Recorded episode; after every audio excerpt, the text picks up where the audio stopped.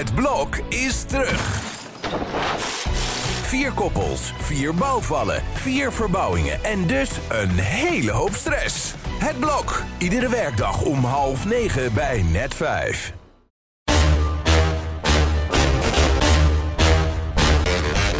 Dit is Strik Privé. De dagelijkse showbiz-update met Evert Zandgoeds en Jordi Versteegde. Ja, op Privé Day uiteraard gaan we het zo meteen hebben over de onthullingen op de cover. En het gaat onder andere over Queen Elizabeth, Evert. Daar valt een hoop over te onthullen. Ja, zij blijkt uh, eigenlijk de hele leven lang een dagboek bijgehouden te hebben. En dat dagboek is nu natuurlijk gevonden Ja. in haar eh, kantoor. En wat gaat daarmee gebeuren? Daar gaan we het zo over hebben, geloof ik. Mm, zeker, maar we moeten toch eerst gaan beginnen met triest nieuws dat eh, gisteravond tot ons kwam. De dochter van Willeke Alberti overleden op 55-jarige leeftijd. Het is intens triest. natuurlijk ook nog een vader, Joop Oonk. En daar had ik gisteren contact mee. Tja. Buitengewoon aangeslagen natuurlijk. Want ja, 2,5 jaar geleden stond de wereld van iedereen die van Daniel hield. En dat waren nogal wat mensen. De gezin, de ouders, de kinderen. eh, op zijn kop toen eh, bleek dat zij een eh, heel gevaarlijke vorm van kanker had.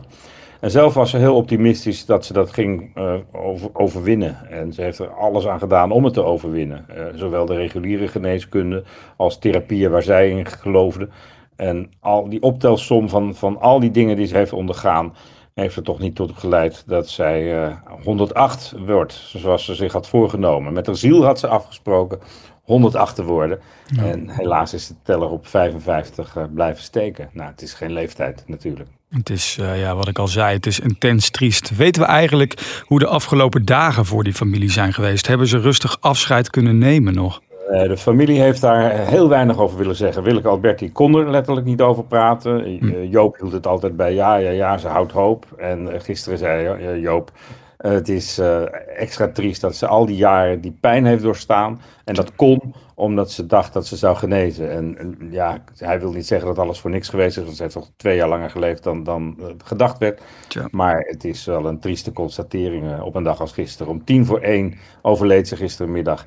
En eh, ja, dat, zijpelde, dat nieuws zijpelde langzaam door. En het is een grote schok voor een heleboel mensen in de showbizwereld, de voetbalwereld, waar de man John van het Schip eh, actief is natuurlijk. En eh, ja, er zijn heel veel mensen heel erg verdrietig over in een toch al barre tijd. Zeker, ik wil eindigen met het eh, bericht dat eh, haar halfbroer Johnny de Mol gisteren deelde op zijn Instagram. Hij schreef, omdat jij wist wat liefde was, weten wij het ook. Hashtag spread the love, rust zacht, lieve zus. Ja, ik krijg er Zelf zeiden van. ze nooit, eh, je zegt het nu zelf al, zelf zeiden ze nooit halfbroer. Ze zeiden gewoon zus en Ja. broer. En ja, ook voor Johnny is het een hele grote schok. Want ja, ze hadden een hele hechte band. Ook al woonden ze vaak ver uit elkaar. Dat is eh, een enorme klap voor de hele familie. En van die familie kennen we nogal wat mensen natuurlijk. Dat was Willy Alberti die voor eh, Danielle ooit de glimlach van een kind zong. Ja. Toen ze als babytje in de wieg lag. En eh, ja, iedereen is beroemd bij haar. Ja. De opa, de, de, de, de, de, de moeder, de, de man, Ja, de vader, allemaal. Ja. En daarom is het medeleven heel erg groot. en we wensen ze onwijs veel sterkte in deze moeilijke tijd.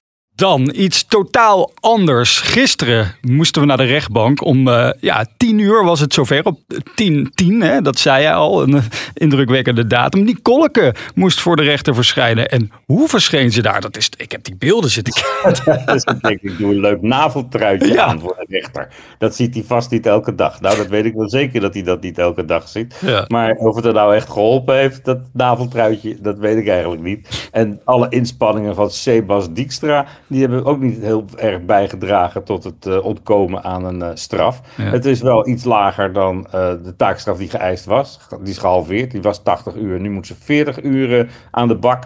En eh, ja, ik hoop maar dat ze geen vloer moet boenen of lakens moet wassen. Want daar kan ze helemaal niet meer tegen, zat ze gisteren te betogen. Dus eh, het verhaal was dat ze eh, die bloedproef weigerde nadat ze op 6 maart in Waalwijk was aangehouden wegens dronkerijen.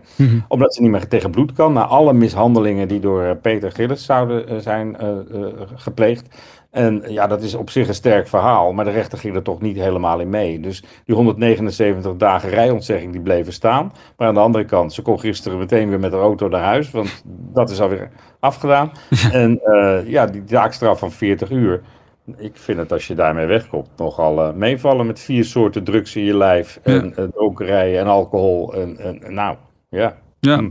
Ja, vier soorten drugs, maar thuis ook nog eens vier kinderen op de bank hebben zitten. Dan, dan... Ja, ik vind het onvoorstelbaar. Maar jeugdzorg schijnt daar al mee bezig te zijn. De kinderen wonen al niet meer bij haar. En ja, ik denk niet dat je gewoon, ik denk gewoon dat je zelf je verantwoordelijkheid moet nemen als je dit soort dingen erop nahoudt. Wat er had kunnen gebeuren in die nacht van 6 maart, daar zijn een hoop mensen aan een hoop ellende ontsnapt. Dan gaan we naar Queen Elizabeth. Ze staat vandaag groots op de cover van Privé, want we hebben exclusief wat dagboekfragmenten van haar in handen. Hè?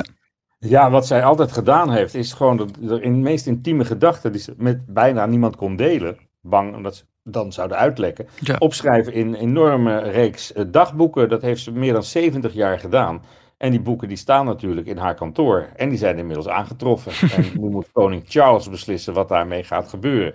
Nou, integraal uitbrengen, dat zou hartstikke interessant zijn. Maar dat zit er toch niet echt in. Oh. Dat is ook niet de wens van Elisabeth. Maar aan de andere kant heeft zij er geen problemen mee als er fragmenten uh, gepubliceerd zouden worden ooit. Hm. Er is nu de, haar oude geheimenbewaarder, een oud assistent met wie ze wel veel uh, in contact had. Die is gevraagd om het allemaal te gaan inventariseren. En dan zijn wij natuurlijk vooral benieuwd naar de gedeelte rond de scheiding van uh, Charles en Diana, wat ze daarvan vond. De komst van de koninklijke uh, kleindochters, uh, Catherine, ja. Meghan met name. Ja. En dat schijnt dus allemaal in die boeken te staan. Nou, een paar dingen zijn wel uitgelekt, gewoon omdat ze die alles gedeeld heeft in gesprekken met, met mensen. Maar ja, de, de, de dagboeken van koningin Elisabeth, als je die zou uitbrengen. Nou. Nou, ik denk dat iedereen dat wil lezen. Zeker, of bekijken op Netflix, gewoon een spannende serie eromheen. Dat, dat, dat, dat gaat toch scoren, joh. Ja, het is jammer dat, dat onze koningshuis daar niet zo. Uh, die, die, schrijven nooit memoires. Wilhelmina was de laatste, maar dat is vooral een heel religieus boek. Eenzaam, maar niet alleen. Mooie titel. Maar uh, Juliana heeft ervan afgezien, omdat ze dacht: van ja, als ik dat doe, dan moet ik ook alles melden. En er waren natuurlijk genoeg problemen en schandalen. Dat ze dacht: van ja, daar heb ik geen zin in om dat allemaal op te gaan zitten rakelen. Greet Hofmans, de Lockheed en zo. Dus die heeft dat niet gedaan. En in die nieuwe traditie heeft Beatrix er ook van afgezien. Ik vind het doodzonde, want ja, ze roepen altijd, we mogen niks zeggen, we mogen geen mening hebben. Maar als je koningin af bent en uh, tijd genoeg hebt, dan is dat toch wel een mooie afrekening van en, een verantwoording over, over wat je al die jaren gedaan hebt. Wie weet zit ze te luisteren naar deze podcast en uh, breng je haar op idee. Ja, ja, toch? Ja.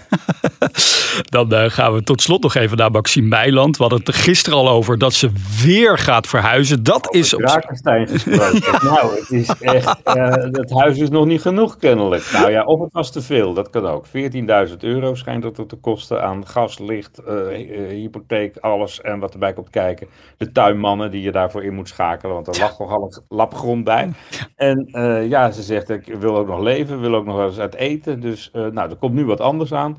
Uh, had gisteravond ontdekt dat er een perceel gekocht is ergens. Hmm. En de kans is groot dat ook uh, de, andere, de rest van de familie daar gaat wonen. Dat Erika en Martien, die zouden dan ook weer gaan verhuizen. Nou, maar ja, zo kom je wel weer de nieuw seizoen door natuurlijk. Dus, uh, en dan zouden ze buren van elkaar gaan worden. Nou, is dat leuk. Nou, dan komt alles weer samen. Wat verrassend ook altijd weer bij die familie. Maar goed, ik moet wel zeggen, het vorige seizoen stond heel erg in het teken van één ding. Dat vond ik eentonig geworden. Ik vind dat dit seizoen van Chateau Meiland al wat, wat leuker. Dus wat dat betreft, eh, ja, ik, het lijkt me wel weer een, mooie nieuwe verhaallijn. Ja, je ziet het aan de cijfers. Het is ongelooflijk. Het gaat over de anderhalf miljoen weer. Mensen ja. zijn nog steeds geen Meiland moe. En uh, nou ja, gelijk hebben ze als ze er nog een seizoen aan vastplakken natuurlijk. Volgens mij is er ook nog een contract voor dat seizoen. Kijk, weten we dat ook. Wij zijn er doorheen. We gaan natuurlijk weer hollen naar de winkel, want hij ligt er weer. De privé. En morgen om 12 uur, Evert, dan zijn we er weer. Ja, hollen. Ja. Tot dan.